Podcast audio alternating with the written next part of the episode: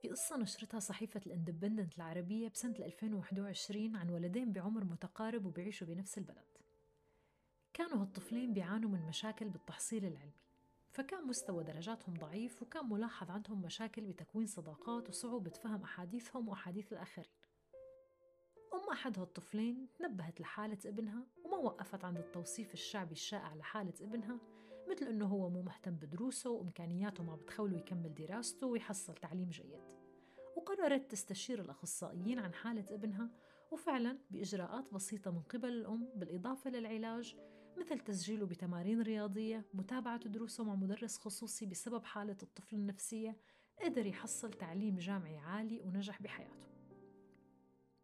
ومثل ما توقعته تماما بالنسبة لحالة الطفل الآخر اللي ما تابعت حالته للأسف الطفل ترك المدرسة حتى ما قدر يتعلم مصلحة بسيطة ليعيش منها وكانوا دائما بيشكوا منه أصحاب المهن اللي بيحاول يتعلم منهم بصعوبة الحديث والتواصل معه.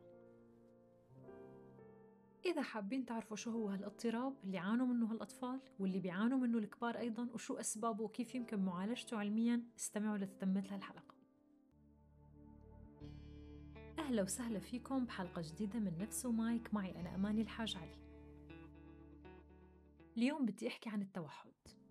هو اضطراب بالنمو بيتميز بتحديات تواصلية واجتماعية وسلوكية. تستمر الحالة مدى الحياة وممكن أنه تختلف الأعراض بشكل كبير من شخص لآخر. وحسب منظمة الصحة العالمية في طفل واحد من كل مئة طفل بالعالم بيعاني من هالاضطراب ومعظم الحالات بتستمر لمرحلة المراهقة والنضوج. وأعراض هالاضطراب بتبدأ بالظهور قبل عمر ثلاث سنين وتشخيصها بوقت أبكر بيساعد لتحديد المعالجة الأمثل.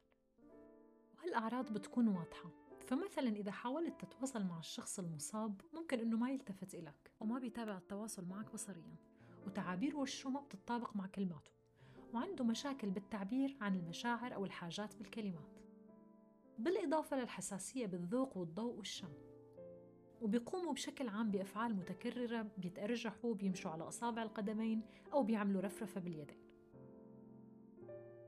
أما عن أسبابه فعلى الرغم من عدم معرفة السبب الرئيسي لليوم يلي بيستوجب ضرورة عمل أبحاث أكثر عن هالموضوع لكن المرجح حسب أبحاث مركز ال CDC الأمريكي هو وجود علاقة جينية لإصابة الطفل بالتوحد إذا كان عنده شقيق مصاب بالتوحد. وقالت الدراسات المعمولة بعيادة كليفلاند أنه الولادة المبكرة والعمر المتقدم للأب كمان لهم علاقة بظهور التوحد. وبيتصنف هالاضطراب على ثلاث مستويات حسب حدته. المستوى الأول وهو الشكل الأخف بيعاني الأشخاص من مشاكل بالعلاقات الاجتماعية مثل تكوين أصدقاء جدد بالمدرسة أو بالعمل. وعادة بيحتاجوا للحد الأدنى من الدعم للعمل بحياتهم اليومية. والمستوى الثاني المتوسط بيحتاج المصابون هون لمزيد من الدعم لأنه الصعوبات الاجتماعية ومشاكل التواصل بتكون عندهم واضحة. أما المستوى الثالث الحاد فبيعاني الأشخاص المصابون فيه بأعراض بتتداخل مع قدراتهم على العيش والعمل بشكل مستقل. غالبا ما بيستطيعوا التواصل لفظيا وبيصعب جدا عليهم وجود أي تغيرات بحياتهم وهالمستوى بيستدعي التدخل الدائم والسريع. وبالنسبة لطرق العلاج المتوفرة للاضطراب فعلى الرغم من عدم وجود دواء محدد بعد ولكن الأطباء بيوصفوا أدوية مثل مثبطات السيروتونين الانتقائية ومضادات الذهان والمنشطات والأدوية المضادة للقلق. لتخفف من حدة بعض الأعراض المرافقة للاضطراب مثل مشاكل القلق والانتباه والاكتئاب أو فرط النشاط. في كمان علاج مهم للاضطراب وهو استخدام تحليل السلوك التطبيقي من قبل الأخصائيين النفسيين. يلي بيركز على علاج التوحد من خلال تعزيز القدرات المعرفية وتحسين نقاط القوة الحالية عند المصاب.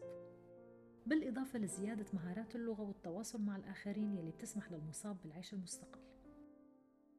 والمهم تعلم كيفية التأقلم مع الوضع الحالي للمصاب وخلق بيئة مريحة لتخفيف حدة الأعراض مثل الابتعاد عن الضجة، تخفيف الإنارة الساطعة، وضع روتين يومي للأعمال والأنشطة اليومية لأنه هي كلها عوامل بتساعد على تخفيف حدة أعراض هالاضطراب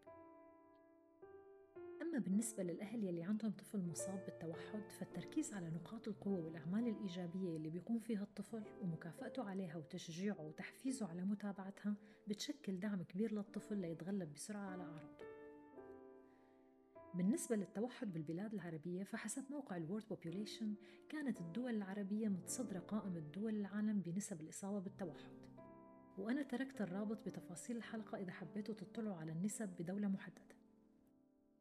طبعا بالنسبة للأهل يلي اتبعوا برامج توعية وتعليم عن التوحد مو بس حالة الطفل المتوحد تحسنت بشكل كبير مثل ما ذكرت ببداية الحلقة ولكن حالة الأهل النفسية تحسنت وقلقهم على مستقبل ابنهم خف لأنه لاحظوا فعالية العلاج وتخفيف الحالة مقارنة مع الأهل يلي ما اتبعوا أي برامج توعية وتعليم. وهذا حسب دراسة نشرت بالجورنال في أوتيزم ديسوردر بعام 2020 عن الحالة النفسية لأهل الطفل المصاب بالتوحد. والخلاصة التوحد اضطراب نفسي بيعاني منه الملايين حول العالم. ورائد الأعمال المشهور إيلون ماسك صاحب شركات غيرت شكل العالم مثل شركة السيارات الكهربائية تسلا وصواريخ سبيس إكس صرح عن معاناته من هالاضطراب. وهذا أحسن دليل على أنه هالاضطراب قابل للعلاج ويمكن تخفيف أعراضه على المصابين. ومعرفتك بأعراض هالاضطراب واستشارة الأخصائيين بالوقت المبكر أكيد رح تجعل حياتك وحياة المتوحد من حولك أفضل. شكرا لاستماعكم وإذا حبيتوا الحلقة لا تنسوا مشاركتها مع معارفكم لتعم المعرفة. وإذا حبيتوا تناقشوا أكثر معنا موضوع الحلقة بالبلاد العربية فتفاعلوا معنا عن طريق حساب البودكاست على تويتر وإنستغرام نفس مايك. وللإطلاع على مراجع الحلقة فيكم تلاقوها بأسفل موضوع الحلقة.